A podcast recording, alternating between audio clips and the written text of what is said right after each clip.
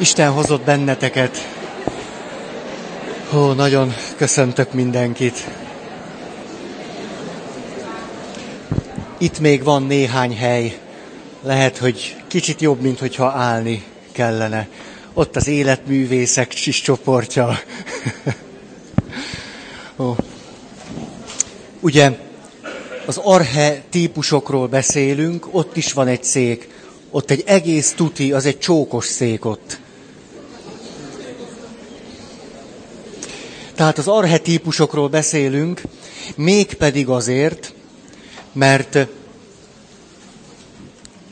nagyon sok megfontolást tettünk arra nézve, természetesen nem a saját bölcsességünkre alapozva, hanem Carl Gustav Jung és Verena Kass nyomán, hogy mit jelent, hogyha a komplexusaink, és itt nagyon leszűkítettük a kört, az apa komplexusunk, az anya komplexusunk, akár pozitív, akár negatív, az olyan erővel rendelkezik idebent, hogy erőnek erejével simán hatékonyabbnak bizonyul, mint az én.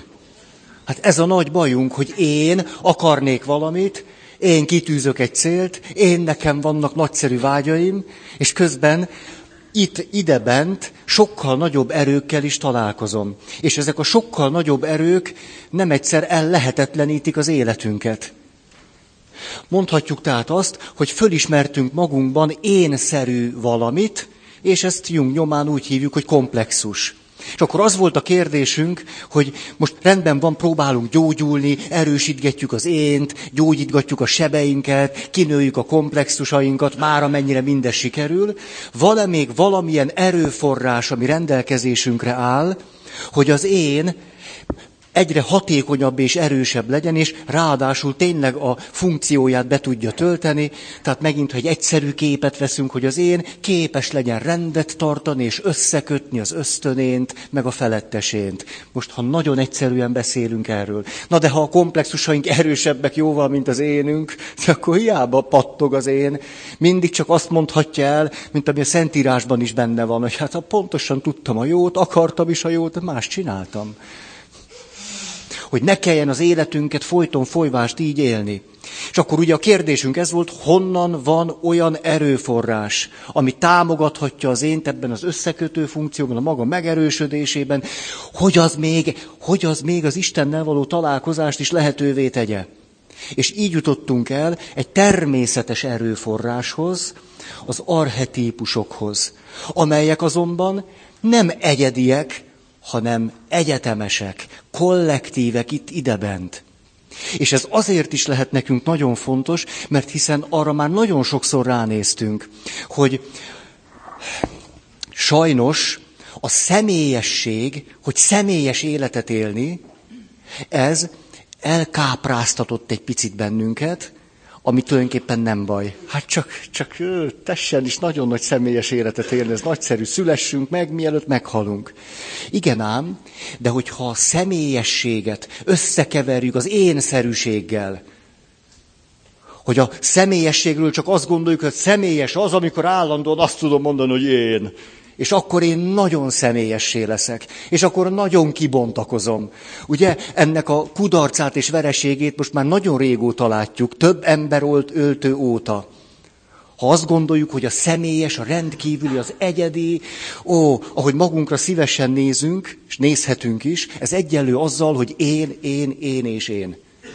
Ezért aztán az arhetípusokban, már hát nem az arhetípusokban, mind abban, ami ott abban benne van, amit így írunk le, hogy arhetípus. Igazi szövetségesre találhatunk, ha eléggé ügyesek vagyunk. Azért, mert hiszen az arhetípus éppen nem énszerű, hanem éppen nagyon egyetemes és általános, de közben nagyon erőteljes. És az ént és mindent meg tud erősíteni bennünk, amire egyébként nagyon szeretnénk vágyni. De persze, ugye akkor ez azzal a kihívással jár, hogy föl kell például azt ismernünk, hogy ténylegesen ami természetes, ami a természet, az mennyire idegen közegünké tudott válni. Teljesen. Az én körül való pörgésünkben és forgásunkban. Egészen idegenszerű lett az, ami Természetes. Ugye a, a példáink ezek voltak, hogy a ma embere, mert a személyeset és az egyedit, az ő nagyszerűségét, ami tényleg van, azt összetéveszti az énszerűvel, ezért az, hogyha ő beteg, fölháborító. Aljas piszokság. Csak vele történik ilyen. Kibírhatatlan, lehetetlen dolog. Hogy a jó és balsors az élet és a halál, egészség és betegség, jó fordulatok és rossz fordulatok, ezek ma már nem természetesek nekünk, hanem azt gondoljuk, mert a személyeset énszerűnek gondoljuk el, hogy nekünk csak a jó sors, csak, a, csak ez, csak ez, csak ez, és ezek ráadásul járnak is. Az élet más oldalát mutatja, oly mértékben vagyunk fölháborodva, csalódottak, kikérjük magunknak. Ó, ez akart a rövid bevezető lenni egy ilyen kedvcsináló, örömteli, allelujás, husvéti. Vagyis, hogy az arhetípusokból, hát megsejthetjük azt, hogy az, a, az az én milyen sokat meríthet és milyen sokat kaphat abból, ha egyetemes és általános belső tartalmakkal találkozik. És uram, bocsá, egyiknek másiknak egy picit átadja magát.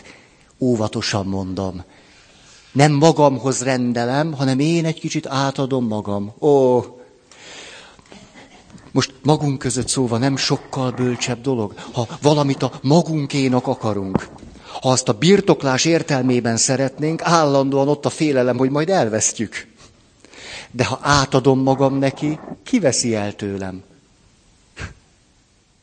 Hát az önátadásnak óriási következményei vannak. Az már a miénk, aminek mi átadtuk magunkat, az a miénk. Nem a birtoklás értelmében, hanem a létezés értelmében. Ah. Jó, nem akarok itt. Miért kellett ennyit okoskodni? Hát nem ezért jöttek ezek a szegények, már este van, és most a harcosról akarnak még hallani. Igen. Látjátok, én elég jól megtartom ezt úgy magam, magam is. Nem, nem szoktatok zavarni. A...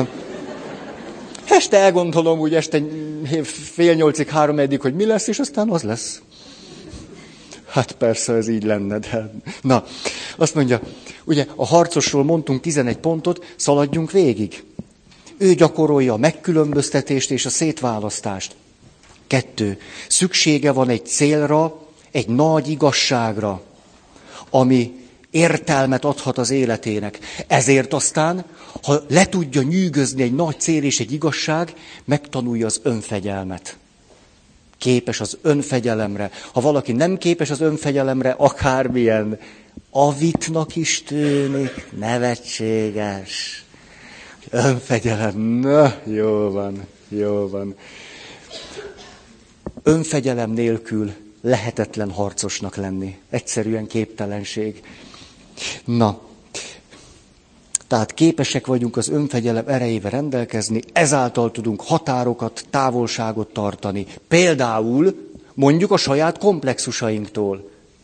Ha, a bennünk élő harcosnak az ereje segít, hogy az eszünkkel a király elmondja, ide figyelj, Feri, ha te most féltékeny vagy, ha te most dübegurultál, ha te most csalódottnak érzed magad, és kisemmizetnek, és megvetetnek, ez a te komplexusod. Tarts távolságot a saját komplexusodból fakadó érzéseittől, gondolataittól, jövőképettől, sirámaittól, lépj egy kicsit távolabb, el nem erülj bennük. Ezt napjában nagyon sokszor kéne gyakorolnunk. Hát már régen nem dőlök be annak az érzésnek, hogy, mert tudom, hogy a komplexusomból fakad. Majd bolond leszek jó mélyen beengedni, jó, jó, jó, hagyj járjon át 128-szor is, hogy mennyire nyomorult vagyok. Hát e, ezt átéltem már ötször, nem volt elég? Akkor hatodjára köszönöm, akkor itt húzunk némi távolságot. Te ott maradsz, én meg itt vagyok. Te, te csinálja magaddal, amit akarsz. Na, Erről beszélek mondjuk, mikor az önfegyelmet mondom. Ez is önfegyelem, hogy azt mondom, most ennek az önsajnálatnak akkor se adom át magam, ha be akarja kapni a fejem szőröstől, bőröstől, és ebben a pillanatban ekkorának tűnik. Takarodsz helyedre? Ja, emlékeztek erre a történetre. Egyszer egy, egy nő vállás, vállás gondolatával vívódott. Emlékeztek erre, így rettenetesen, ú, ú, nem, nem, nem, most, most vége van, készül, elválik. És ugye hát mit tesz, mint egy igazi nő? Még van egy utolsó dobás. Mi lehet a nő utolsó dobása ebben a kritikus helyzetben? Csoki! Ez, ez jó. Na, azért ezen már túl volt. Tehát, tehát annyi csoki nincs, hogy az, az, az ja, bedobja a csáberőt. Na hát az az erő meg már rég nincs. Tehát, de, vagy van, de nem a férje felé. Na szóval, de nem is akarlak benneteket tovább kínozni. Inkább elmondom, fölhívja a barátnőjét. Itt a leglehetetlenebb. Persze, ha barátnő egy igazi mágus, majd erről lesz, ma, ma, ma már mágusról beszélünk, ha az a barátnő olyan ügyesen csinálja, ho-ho, ho-ho. Na. A, remélem be tudjátok fejezni a mondatot. Hát, hát, szóval, fölhívja a barátnőjét, és akkor kiveszi föl a telefont, a férje. Már nem az övé. Jaj, hát...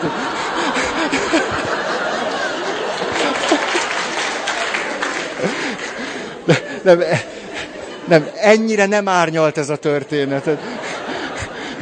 Tudom, hogy, hogy szeretitek a jó sztorikat, de ez nem, ez ennél sokkal egyszerűbb. Tehát itt a barátnőjének a férje veszi fel a telefont, kertes házban laknak, és mondja, jaj, te add már nekem a mucust. És akkor mondja, hogy jaj, jó van, jó van, a mucus kint van, nem tudom, mit csinál, mindjárt adom. És akkor lerakja a telefont, és hallja, hogy a telefonban átszűrődik, hogy a férfi kiabál a kutyával. És azt mondja, mész helyedre! És akkor a nő től, és hallja ezt, hogy mész helyedre. Hm. Jön a mucus, azt mondja, szia, itt vagyok, mi van? Szóval, kösz szépen, megkaptam a választ.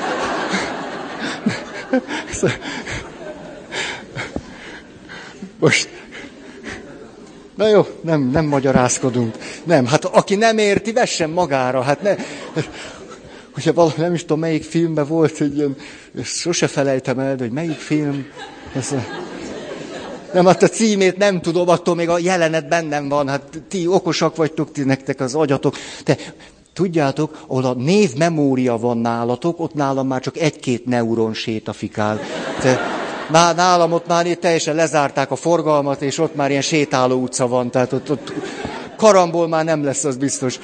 És tehát nem tudom, mi a film címe, gazdagok és szegények, és, a, de és ott, ott volt, de nem tudom, valami ilyesmi. És azt mondja ott egy öreg katona fiatalnak, Hát tudod, a katonaság olyan, itt mindenki parancsszóra. Hát tudod, én meg az a valaki vagyok, aki a felettesem szájából is kiveszem a nyálat. Azt se kelljen neki lenyelni.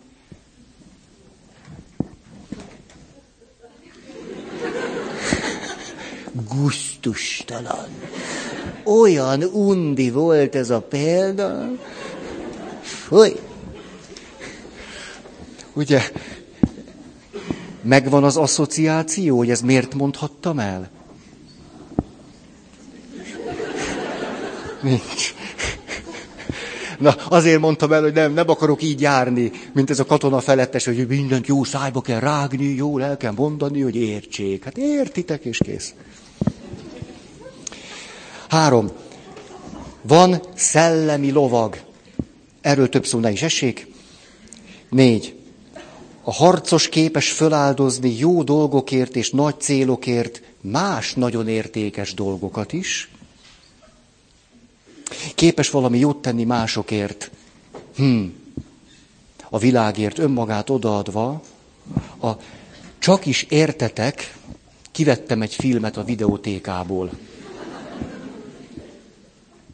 Melyik lehetett ez a film? Jól, jól, jól látjátok. Csillagok háborúja. A Szitek bosszúja című epizódot vettem ki, mert ott derül ki minden. Ugye hát most az... És ebből néhány részlet, ugye, hogy képes odaadni magát más fontosabb célok érdekében. Ugye éppen polgárháború dúl, és mi történik? Oda megy a Szit nagyúrhoz, Anakin Skywalker, akit mindannyian ismerünk. Csak az emlékezet fölfrissítése érdekében Anakin Skywalkernek egy másik nevet ad a Szit nagyúr, Darth Vader. De amikor még Anakin Skywalker, akkor azt mondja neki a sötétségnek a királya. Ugye ő a szenátusnak az elnöke. Azt mondja, nézd, az én mesterem olyan valaki volt, igaz, hogy én öltem meg. Hát egy sötét nagyúr milyen legyen? Szóval, igaz, hogy én öltem meg, de ő képes volt valakit a halálból visszahozni. Oly nagyon az erő birtokában volt. Erre mit mond neki Anakin Skywalker? Azt mondja, hát ez nekem kell, mert itt van az én szerelmem, és én nélküle nem tudok élni. Nélküle elpusztulok, nélküle kész vagyok, nélküle semmi. Ezért alkut köt az ördöggel. Ez az, amikor egy harcos, hát Anakin Skywalker harcos, kétségkívül, Jedi lovag. De van egy pillanat, amikor azt mondja, most már valamit és valakit magamhoz kell rendelnem, és én nem rendelődök alá most másnak és senkinek. És én bizony enélkül, a nő nélkül nem tudok élni. Meg is lesz az eredménye. Utána öli le az összes Jedi lovagot. Csak úgy mondom, hogyha nem láttátok volna a filmet. Mert hogyha mindegyiket megöli, akkor majd a sötétség ura megtanítja őt, hogy kell a halálból visszahozni az ő szeretett feleségét. Ami persze sosem történik meg. Hat. Öt. Egy harcos határozott. Öt. A harcosnak szüksége van egy jó királyra. Ugye a harcos nem hallgat egy jó királyra, vagy ha rossz királyra hallgat, rossz harcos lesz belőle. Anakin Skywalker két hibát is elkövet, rossz királyra hallgat, a jó királyra meg nem hallgat. Más hibát nem véd. Ezért hívják Darth Vadernek. Ott van az a megrázó jelenet. Ez látszik, ez, ez már... Látszik, nem kellett volna megnéznem. De, most ez, de hát tényleg megrázó. A Szit nagyúrnak van egy tanítványa. Legyőzi őt Anakin Skywalker, de nem öli meg. Mit mond a király, arhetipikusan? Azt mondja, öld meg. Erre azt mondja a harcos. De hát ezt tegyem.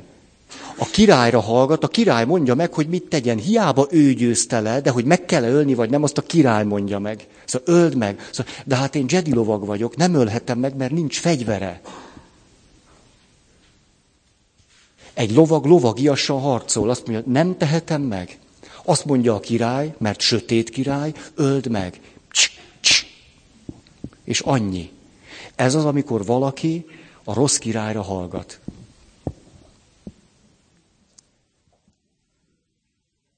Hat.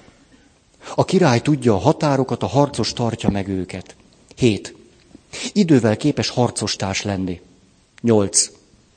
Gyors vagyok. Nem ámítja magát a gonosz ellenség láttán. A gonosz vagy az ellenség láttán, vagyis nem naív. Ez például azt jelenti, hogy teljesen mindegy, hogy iszlám fundamentalizmus, vagy keresztény fundamentalizmus, az tök mindegy. Hát a fundamentalizmus ölthet felőlünk akármilyen ruhát, attól még az az. Hát a keresztény fundamentalizmus egy picit se jobb, mint az iszlám vagy hindu fundamentalizmus. Mitől lenne jobb? Attól az még fundamentalizmus, hogy más köpenyt hord, az, az hű de veszélyes. Azért, mert az egyik fölvett egy ilyen köpenyt, a másik meg olyat, az egyikre azt mondjuk, hogy a másikra meg, ah, na azért az mégiscsak keresztény. Hát ez rettenetes. Rettenetes. Egészségedre. Hát vehet akármilyen köppenyt, az attól még az is kész. Ha, mondhat akármit. Na. Igen, a harcosnak ellenségre van szüksége. Ez, ez egy kemény kijelentés, de az arhetípus ilyen. Nem olyan, amilyennek akarjuk, hanem olyan, amilyen. Szóval ellenség kell neki. Ezért szorul rá olyan nagyon a jó királyra, és olyan nagyon a mágusra. Mert valami ellen a harcosnak harcolnia kell. Attól harcos. Legfőjebb egyre bölcsebb harcos, idősebb harcos, és a többi. A, eszembe jutott az, amikor magyar bajnokságon, ó, nem is tudom, Miskolc, és akkor tudjátok, úgy volt az, ott volt Jámbor József, 227 magyar csúcstartó. Meg én is. PC. 20 éves. Na és akkor nyeretlen 20 éves. Ah. És akkor 2.14-et és az előtte lévő magasságokat mind a ketten egy elsőre ugrottunk. Mindent elsőre ugrottunk. 2.18-at mind a ketten háromszor levertük. Ez a totális holtverseny. De magasugrásban az első helyen nincsen holtverseny, és ami nagyon ritkán szokott lenni, az történik ilyenkor, hogy visszateszik 2.14-re. És az egészben az az izgalmas, hogy ott ül már az összes kiesett versenyző, és mi egymással harcolunk. Itt tényleg egy az egybe, vagy ő, vagy én. Hát ez igazi harc. És, a, és mi történik? A lelátón az edzők is harcolnak. És képzeljétek el, ezt, ezt később mesélték nekem, ugye egymás mellett, nagyjából egymás mellett ülnek az edzők is, mert hát egyébként mindenki mindenkit ismer. És akkor a magyar csúcstartó készül az ugrásra, erre az edzője beszól az én edzőmnek. Azt mondja, most készül a magyar bajnok. Ugye erről a versenyről beszél. Erre az edzőm bemutatott neki. Így, hogy mondom, hát ez egy ilyen, ilyen világ. Ugye, de közben jó barátok voltak, csak ment köt a lelátón, és ment az adok-kapok. És akkor, na akkor föl, 2.18. Ő ugrik először, akkor leveri. Egy ugráson múlik minden. Kard ki kard! Á. Á. És akkor nekem épp sikerül. Ez egy olyan helyzet, ami igazán úgy hívják, hogy szétugrás. Jó, jó. Na. Olyan jó volt elmondani.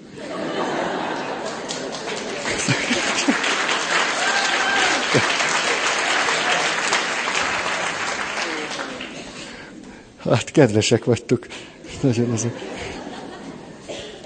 Jártok mentálhigiénés képzésre, hogy hogyan kell a szorongó előadót megerősíteni, ilyesmi, tovább segíteni, hogy valahogy elérje célját. Kilenc. A jó harcos tudja, mire képes és mire nem. Ezért van olyan nagyon nagy szüksége a mágusra. Ezért a jó harcos, ha igazán jó harcos, tudja azt, amit egy idős embernek tudnia kéne. És amit nagyon sok idős ember nem tud, vagy nem akar tudni. Ez pedig az, hogy nem csak, hogy meghalunk, és nem csak, hogy meg kell halnunk, hanem azt is, hogy és eltelik 80-100 év, és már nem is emlékeznek ránk. A kutya se. Nem csak meghalsz, hanem el is felejtenek. Brutál? Egy jó harcos ezzel szembenéz, és nem áltatja magát ezzel a nevetséges maszlaggal. Addig nem hal meg, ameddig van ember, aki emlékezik rá. Egyrészt meghalt, mert éppen a koporsója előtt állunk. Másrészt elfelejtik, harmadrészt meg nem tudom, mi van. Ez a két, kettő van harmadrészt. Ó, ez milyen nagy dolog az, mikor egy idős ember azt tudja mondani, ó, nem csak meghalok, el is felejthetnek, és úgy tudja tovább élni az életét. Az, az igen. Hát különben elkezd a saját életrajzában élni. Még utolsó olyan nagy marhaságokat csinál. Hát... Na. Igen. Ide még annyit, ez a tudja, hogy mit bír és mit nem. Ez az utolsó rész, már a második háromból az utolsó, Anakin Skywalker, hősünk, elbizonytalanodik. Ugye látomásai vannak arról, hogy a felesége szülés közben meg fog halni. És ez az, amit nem bír és nem akar elfogadni. Ezt nem akarja elfogadni. És mit, mit tesz, miután beszél a közvetlen mesterével, Obi-Wan Kenobi-val? Ez nem elégíti ki, mert a mesterével rivalizál. Ezért elmegy Joda mesterhez. Joda mester egy igazi mágus. És akkor megkérdi Joda mestert, mester, rettenetes rémálmaim vannak. Rettenetes dolgokat látok, mit kéne tennem? És Joda mester, mert mágus tudja, hogy Anakin Skywalker arról álmodik, hogy a feleség, akit nagyon szeret, meg fog halni. Ezért azt mondja, ide figyelj, ifjú harcos. Neked most kellene elengedned azt, amit másoknak elég később is elengedni. De ne felejtsd azt el, hogy előbb-utóbb mindenkinek el kell engedni azt, amit neked most kéne. Ilyen egyszerű. Ettől még rettenetes, hihetetlen nehéz, a szívünk belehasadhat, természetesen. De a mágus ilyen nagyon egyszerű mondattal elmondja, neked tudnod kéne elengedni, gyászolni. Ennyit kellene tenned, semmi trükk, semmi, csak ennyi. Ezt a nagyon egyszerű dolgot nem tudja megtenni. És utána Darth Vaderként él. És micsoda pusztulás van a nyomában. Ezt azért akarom nektek mondani, mert az gyönyörű dolog, mikor az életünknek egy-egy eseményét olyan végtelen, egyszerű csupassággal meglátjuk, és azt tudjuk mondani magunk felé, hogy Feri, ez az egész semmi másról nem szólt, mint hogy nem akartál azzal a veszteséggel szembenézni. Ennyi. Feri, ez azért történt, mert önző vagy. Ez nagy dolog. Ilyen hihetetlen egyszerűség, és utána lehet tovább élni. És a, számomra ez a film azért nagyon jó, én nagyon szeretem, a tiszta arhetipikus történet. Azért, mert kiderül, hogy lehet tudni, hogy mit kéne csinálni. Nagyon szép. Lehet tudni. Van, aki megmondja. Hallható. Nagyon egyszerű, fölfogható.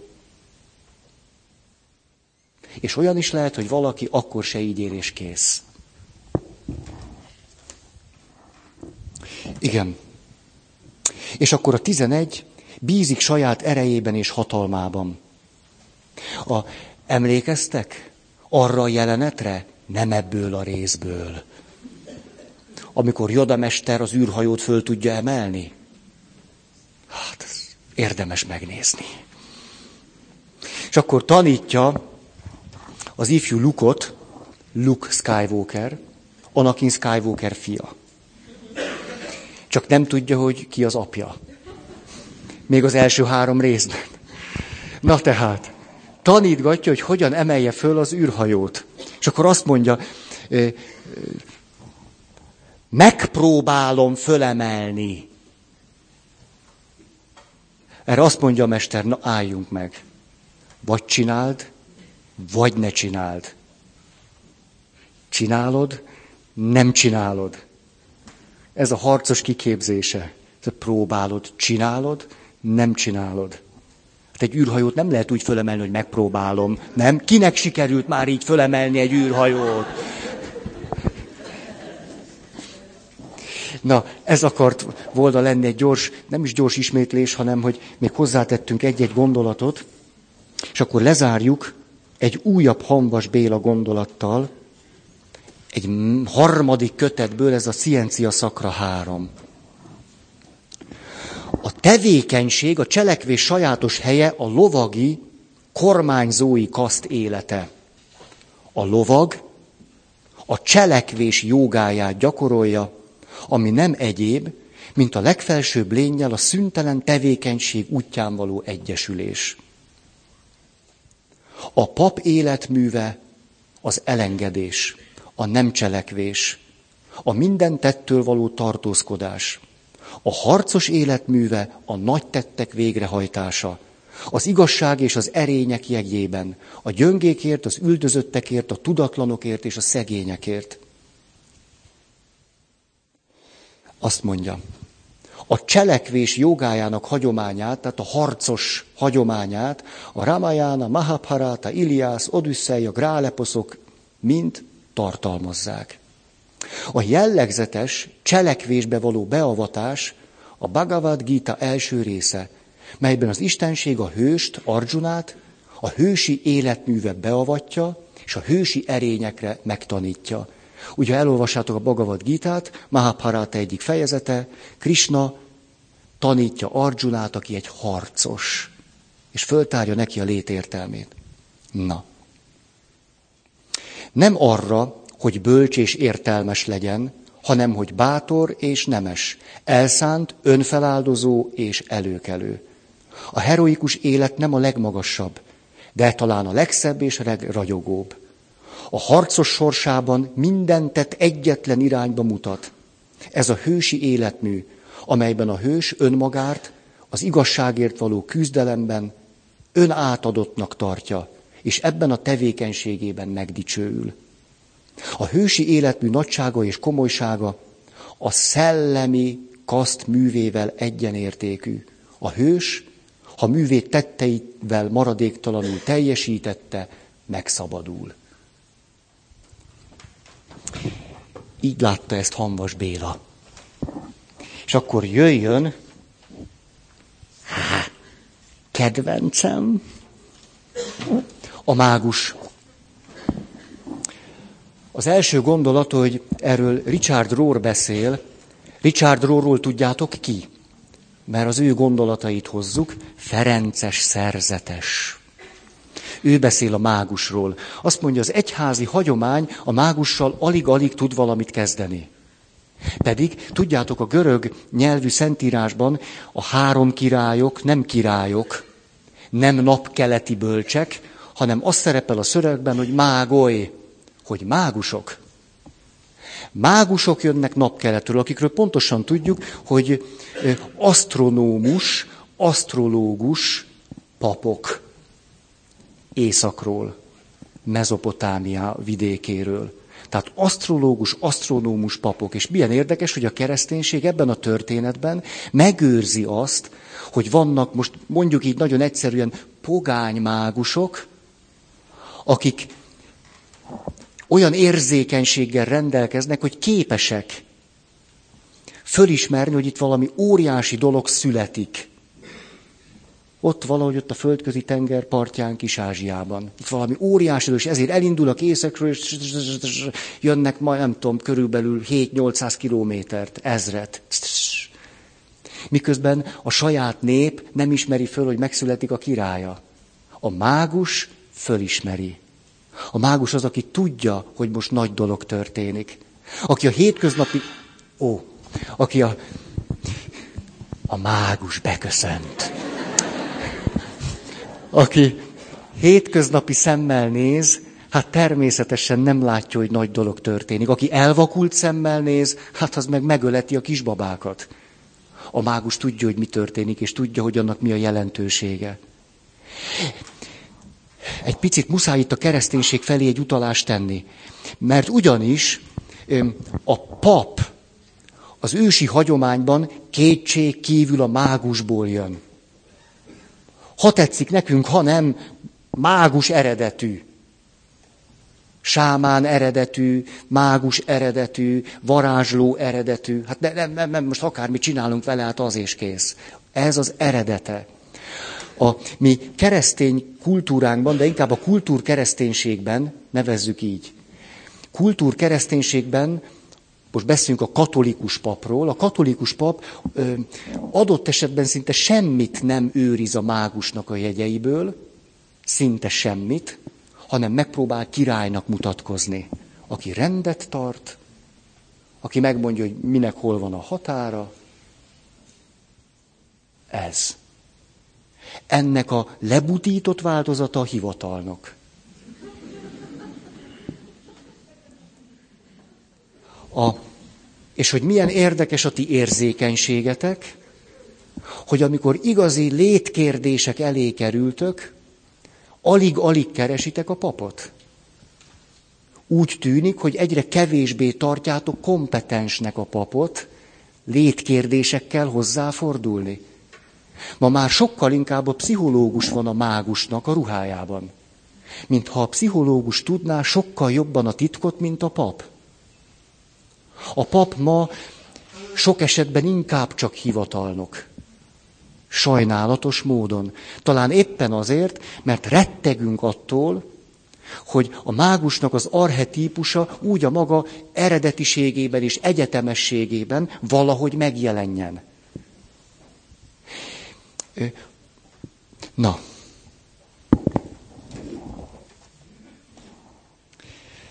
Um. Gyökösi Bandi bácsinak a könyvében olyan gyönyörű az, hogy mondja, hogy milyennek kell lenni egy jó orvosnak. És akkor azt mondja, legalább öt komponenst kell magába elegyítenie, de hogy mindenképpen az első az a varázsló, füves ember, a gyógyító. Ez a papra ugyanúgy érvényes kellene, hogy legyen. Muszáj lenne, hogy ő kapcsolatot tudjon tartani ezzel az egyetemes kincsel, ami minden emberben ott van, ami a mágus, azt lehet e, átjárni a kereszténységgel természetesen, egész nyilvánvalóan. Az nem kell, hogy a kereszténységnél a biztosítékot kiverje, nem, az nagyon szépen lehet, nagyon szépen lehet. Na, mondanék történeteket, hogy tulajdonképpen még mielőtt pontokat hoznék, hogy milyen is akkor a mágus. Mitől mágus a mágus? Öm, leginkább attól, hogy képes ellentéteket összetartani.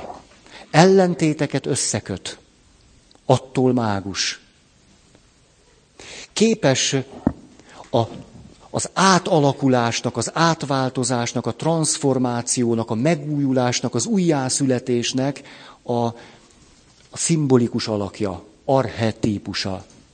Mondanék eh, olyan történeteket, amikor papokat láttam mágusnak. Volt egy kedves barátom, együtt minisztráltunk. És a barátom ott a sekrestében néhány perccel a Szent Mise előtt oda lépett az atyához, és olyan szégyenkezve és óvatosan mondja, hogy atya, én ma nem akarok áldozni, mert én olyan méltatlannak érzem magam. És a pap bólintott. És amikor elérkezett az áldozás ideje, akkor tudjátok, ott van a papnak a nagyostya, ketté törte ugye a nagyostját, és a nagyostjával oda ment ehhez a fiúhoz, aki volt 19 éves, és azt mondta neki, hogy Krisztus teste. A nagyostjával. Ilyet egy mágus tesz egyesített valamit ebben a fiúban. Azt mondja, hogy olyan méltatlan vagyok. Hát és az Isten. Ugye ez ugyanaz, hogy Uram, menj el tőlem, mert én bűnös ember vagyok. Jézus válasza, Péter, ember halász leszel.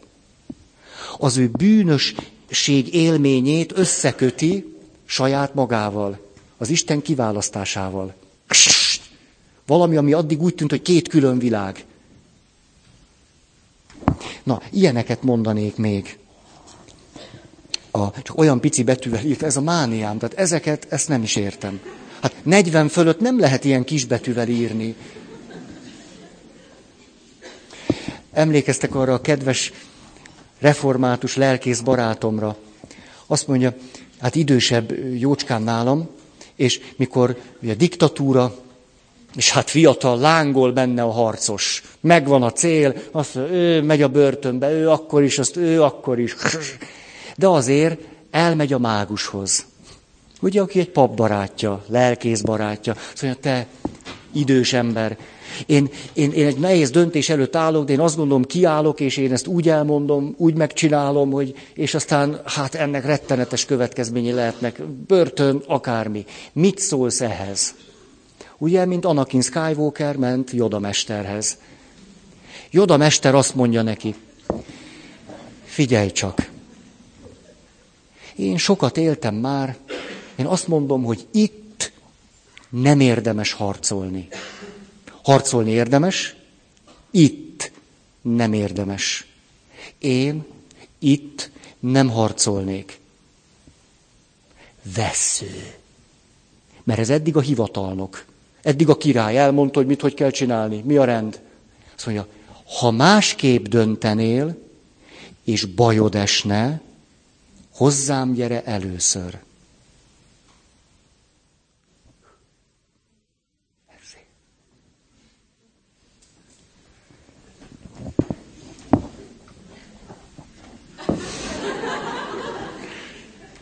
Református lelkész.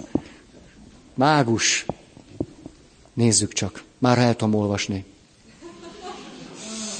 A, volt egy mesterem, most is él még, és galambőz hajú, óriási tudású. Hát aztán közelgett a húsvét valamelyik évben, Mondom, hát nekem el kéne menni gyónni.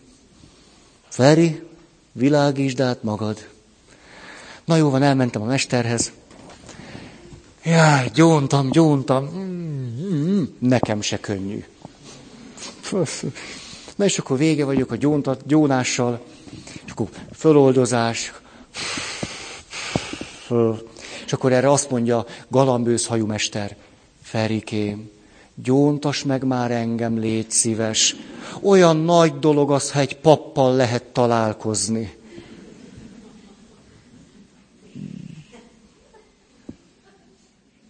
Székcsere, és akkor...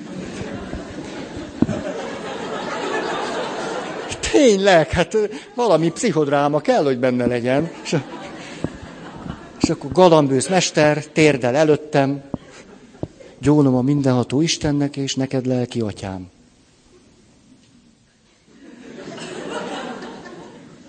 Ez egy mágus. Ugye ennek megvan a zen változata is. Egy koan formájában fogom elmondani. Már minden évben elmondtam. Ezért ki fogjátok találni. Ezzel segítem a mai napotokat. Egy kis sikerélmény. Ugye, Bester találkozik a tanítványjal. A mester meghajol a tanítvány előtt. Erre a tanítvány még mélyebben meghajol a mester előtt. Erre a mester fogja bambuszbotját, és ráver a tanítvány vállára. Uff. Másnap a mester és a tanítvány találkoznak. A mester megáll, mint a cövek. A tanítványnak eszébe jut az előző nap, ő is megáll, mint a cövek a mester fogja a bambuszbotját, és a másik vállára is egy jó nagyot rácsap.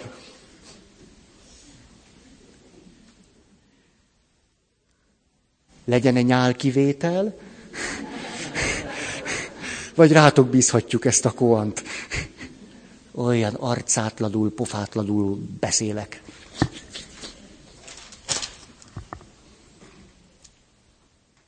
Nem, ezt, ezt nem, nem, ezt nem szabad el megmagyarázni. Hát az előző történet fényében, ugye? Na.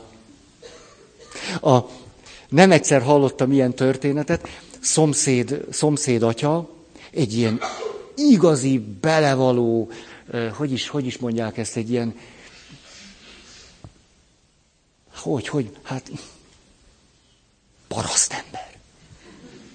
Olyan, Szalonna hagyma kenyér, hol a munka? Tehát ez. zseniális nagyon, hogy fölépít templomot, egyházközséget, mindent, tehát ezzel a mentalitással lehet is.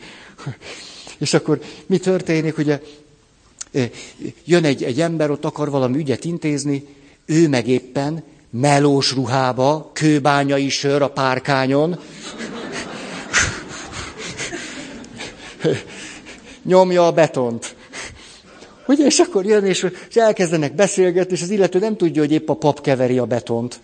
Ugye az kimond neki is egy kőbányait, még azt a régit emlékeztek, hát kék-piros címkéset. És, a, és akkor ott iszogattak, és el, és el is felejt, hogy miért jött, hát gondolj, itt a melós, majd jön a pap is, hogy ó, hát nekem már mennem kell, hát, hát az atya mikor jön vissza?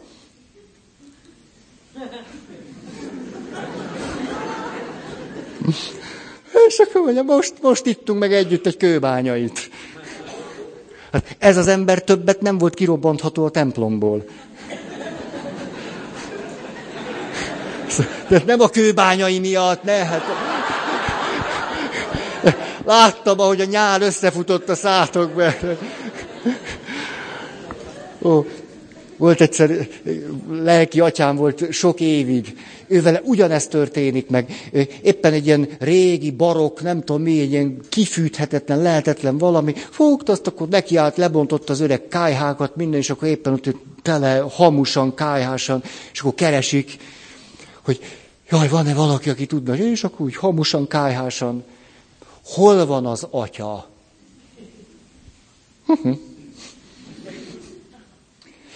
Ez ugye a mágus, az átváltozásnak a mestere. Képes átváltozni, de átváltoztatni. Képes valamit megfordítani, és főleg az ellentéteket összekötni. Hát a gyerekek ezért, ezért olyan nagy dolog elmenni egy táborba, és akkor látják, hogy az atya áll föl a haja reggel, így áll föl, sehogy se áll le rendesen, így áll, csipa a szembe, kóvájgás, puki. Tehát, köszönöm. Ember. Ez érdekes. Ez érdekes. Hallottuk, hogy mentünk el a sátra előtt, és és akkor ez lesz a legnagyobb sztori egy hét alatt, és hallottuk, hogy az atya... De ezek után ezt, ezt, hallgassuk meg, tud-e valami mást is? Most tényleg az itt eszembe, most jaj, most biztos huszan megbotránkoztatok. Ó, ez, de hát ezekből áll össze egy gyereknek a világa. Hát egy tíz éves gyerek. Hát nekem az egy beavatással ért föl. Volt egy edző, olyan kegyetlen volt, ilyen kemény, olyan kemény volt, hogy ja, nem az én edzőm volt. Én biztos, én soha nem sportoltam volna, csak ilyen edző lett volna. Hát én szorongó kiskölyök voltam, mert engem lenyelt volna két óra alatt. Hát dehogy is, én anyucis edzőhöz mentem. Na de, együtt mentünk versenyre, és ő is ott volt, utazott a buszon, és hát tudod, én így, ah, még a buszra is úgy, úgy ő ült hátra, én akkor előre. Csak véletlenül én belém ne kössön, vagy nehogy mondjon. És mi történt? Ugye megálltunk, mert mentünk valahol külföldre, egy verseny volt, megálltunk, WC, megyünk, és mi történik?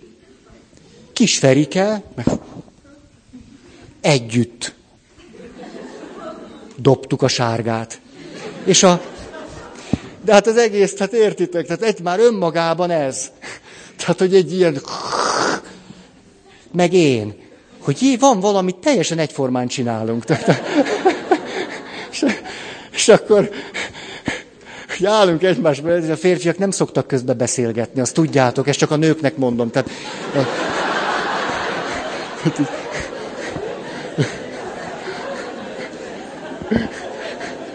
és, a, és, a, és ugye én állok, de azért, hogy mondjam, azért a félelem nem oszlott, tehát azért úgy, hogy állok.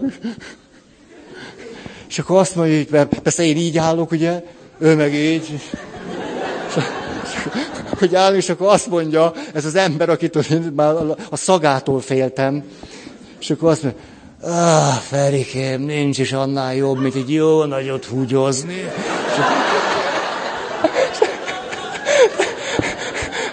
egy ilyen ember volt, hát mit csinálj? És tudjátok, én ott állok,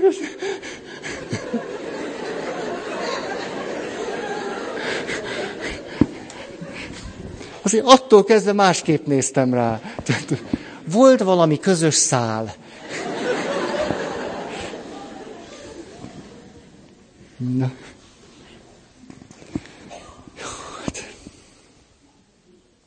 Az jutott eszembe, most a többit hagyom már, hogy a jó házassághoz az a sejtésem, hogy nagyon nagy szükség van a mágusra.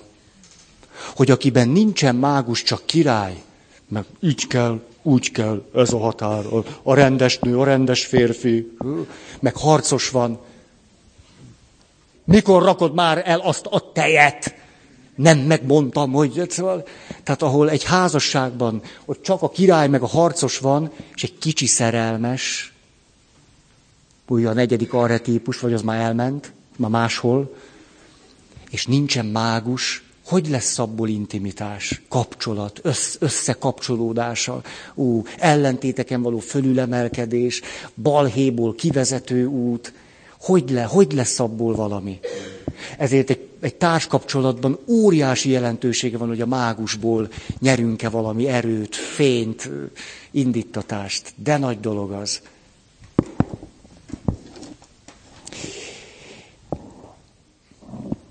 A második pont, mert az első így hangzott, hogy a kultúrkeresztény világ föntartással él a mágussal szemben, és hogy ez a papságunkon is általában meglátszik.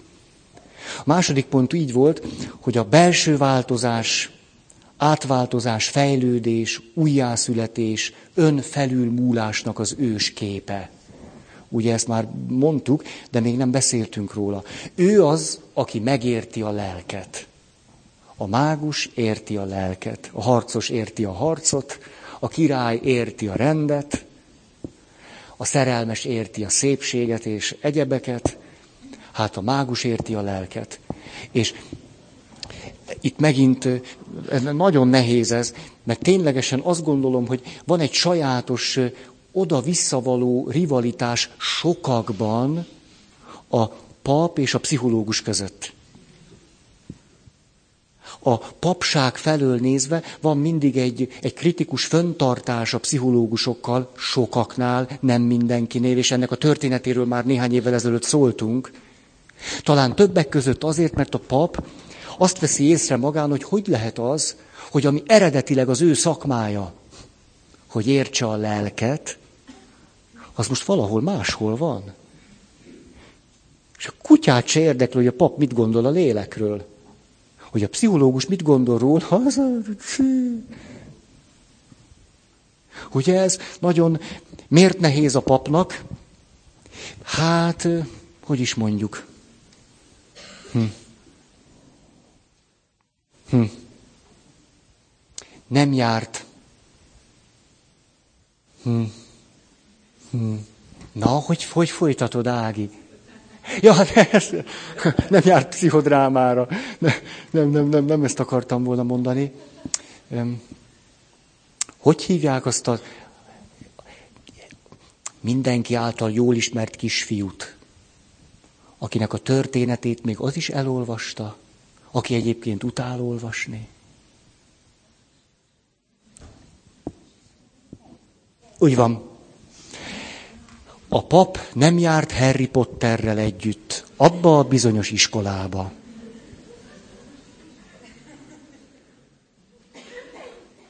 Szegény pap, ezért aztán erőlködik, próbálkozik, de nem járt az iskolába.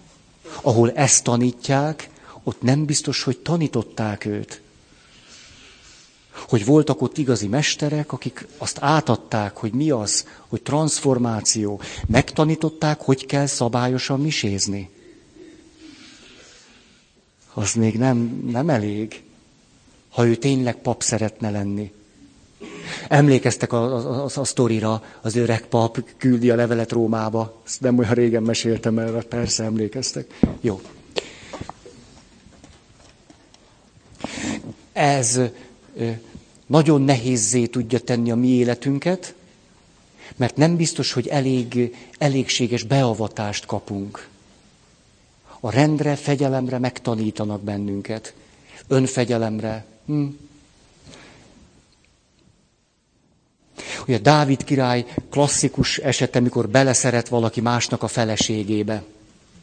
És akkor látjuk, hogy Dávid király, aki a harcos, ugye harcolnak ott együtt, és hát közben szerelmes. A mágus hiányzik. Ezért simán elszereti az egyik legjobb katonájának a feleségét, sőt, még meg is öleti trükkös módon. Egy ilyen történet csak úgy fejeződhet be tisztességesen, hogy megjelenik a mágus.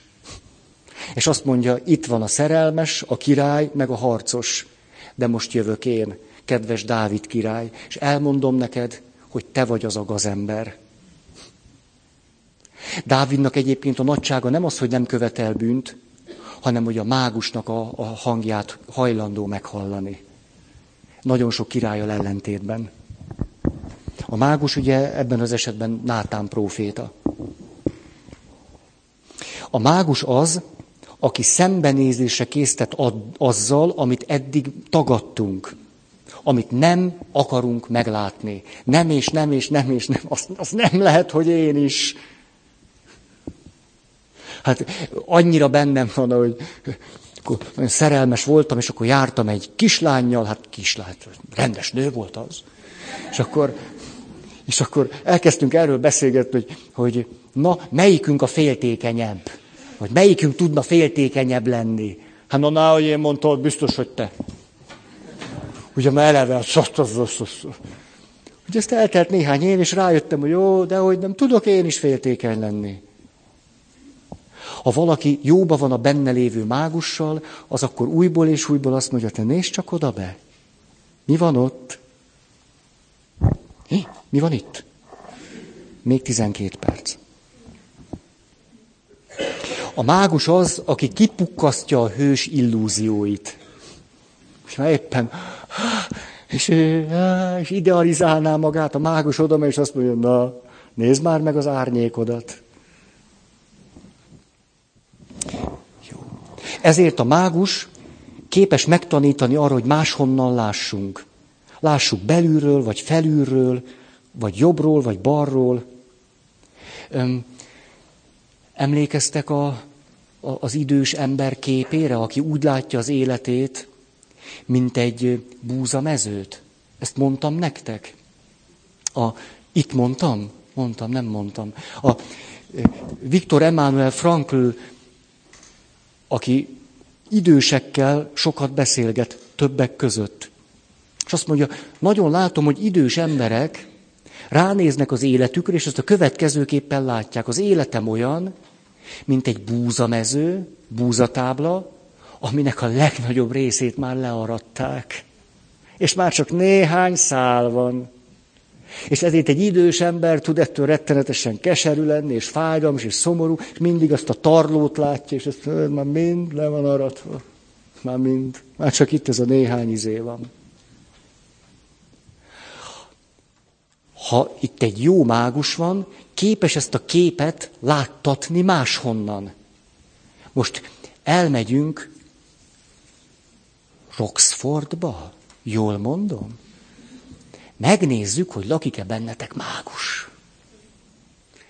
Látjátok-e ebben a képben azt, ami nincs ott, de mégis ott van? Mi az, ami ebben a képben ott van, de nincs is ott, de ott van? Csak máshonnan kell nézni. Valahogy máshonnan látni. Ott is van, de nincs is. Nincs is, de ott van. Még öt másodperc.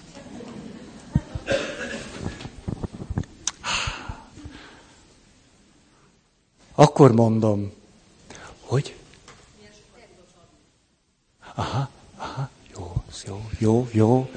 Ja, azt mondja erre Viktor Emmanuel Frankl, az idős embernek ebben a képben meg kellene látnia a csűrt, tele búzával. Ameddig csak a tarlót látja, fél meghalni. Keserű, csalódott és depressziós ha látja a csűrt tele búzával, a kép ugyanaz, csak látom-e azt, amit ott lehet látni.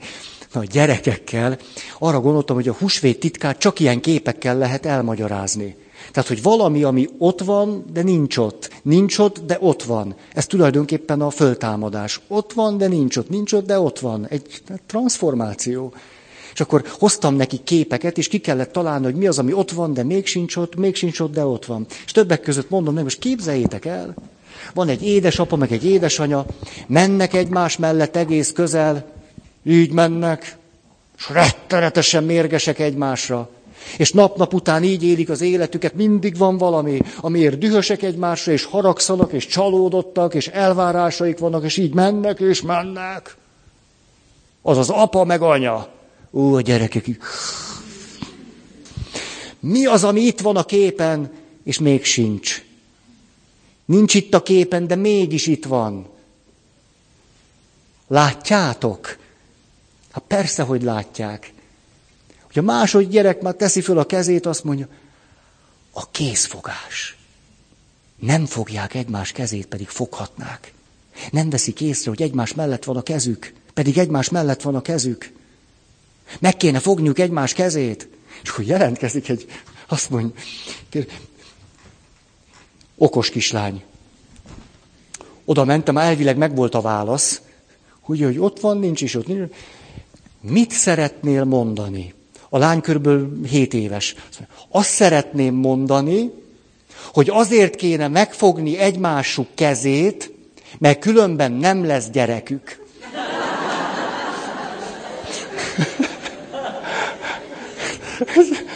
Már is többet mondtál, mint amire én gondoltam. Én még csak a készfogásnál tartok.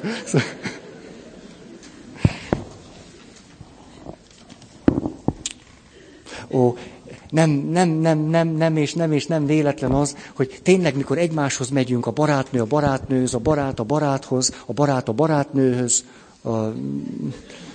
mindegy, tehát, illetve kicsit sem mindegy, tehát azt akarom csak mondani, amikor megyünk segítséget kérni akkor tulajdonképpen, tulajdonképpen, tulajdonképpen mennyire szoktunk vágyni arra, hogy legyen ott egy mágus, aki ugyanazt, amiben vagyunk, hát ő azt nem tudja megváltoztatni, de segít máshonnan látni.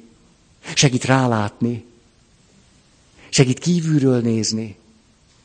Tudjuk azt pontosan, hogy nem tudja megváltoztatni, de mégis őrizzük magunkban ezt a tudást, hogy lehet, hogy semmi sem változik meg, és egészen másképpen tudunk mégis élni. Ó, ezért egymáshoz szinte úgy megyünk, mint a mágushoz. Jó. Jó, egy történet, egy másik. Úgyhogy összeköt a mágus, mágus összeköt, összeköt olyat is, ami megtörtént, Jár hozzánk nagyon sok érdekes ember, többek között egy pedagógus hölgy, aki tanyán tanított nagyon sok éven keresztül. Ötvenes évek, tanya. És akkor tanítja ott írni, olvasni a gyerekeket, és ennek kapcsán egy trauma földolgozó dolgozat, emlékeim a háborúról. Ez a fogalmazás címe. És a gyerekek megírják az emlékeiket a háborúról, többek között az egyik kisfiú. A következőt írja. 1945-ben a dicső szovjet csapatok hazánk földjére léptek, és fölszabadították azt. Vesző. Aztán jöttek az oroszok, és elvitték a tyúkokat.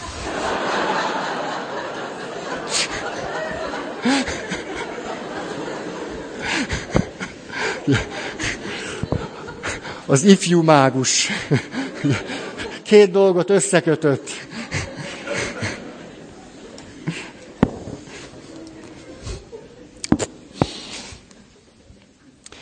A mágus tehát, mert hiszen az újjászületés, az átváltozás, a máshonnan látás mestere, ezért nagyon sok alakkal rendelkezik. A harcost el tudjuk képzelni, a királyt is úgy nagyjából egy formában.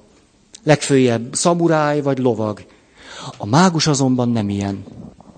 A mágusnak különböző arcai vannak, és különbözőképpen testesítik meg azt, hogy ők az átváltoztatásnak, az, a, az ellentétek összekötésének a mesterei. A, most mondhatjuk így, a sor elején a bohóc van. A bohóc is a mágusnak egy arca. Az udvari bolond kifejezetten a mágusnak egy arca, mert hiszen az udvari bolond mondja meg azt, amit senkinek se szabad, ha rossz a király. De az udvari bolond az megmondhatja. Egy igazi mágus, aki a királyt szembesíti az árnyékával. A mi világunkban ez a szint a karikaturista, a humorista. Ne menjen humoristának az, akiben nincsen jó adag mágus. Ugye onnan, a humorista onnan láttat, és onnan mond el egy történetet, ahogy mi hétköznapi emberek nem szoktuk elmondani. De úgy mondja el, hogy fekrengünk a nevetéstől, és közben fölismerjük, hogy tényleg az is benne van. Ezért, ha karikatúristákat üldöznek, az nagy baj.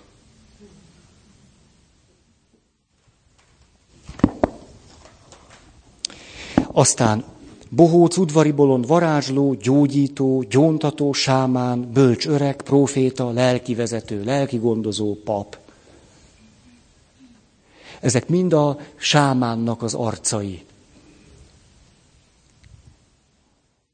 Um, jó. És ide hozhatnánk még, hogy a mi világunkban sokszor a művész. A művész az, aki fölé emel, máshonnan mondja, belülről mondja, átélt, átéltebben mondja, váratlanul mondja. A művészben is tud nagyon sok mágus lenni. Egy jó művészben pedig hihetetlenül sok mágus tud lenni. Szóval azzal a néhány egyszerű vonallal hogy tudta ezt? Hogy, hogy, ez annyira egyszerű, de, de milyen zseniális.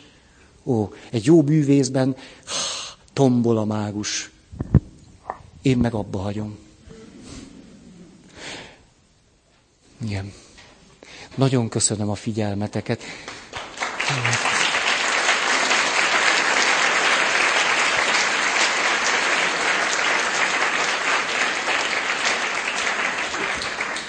És akkor szeretne hirdetni valaki.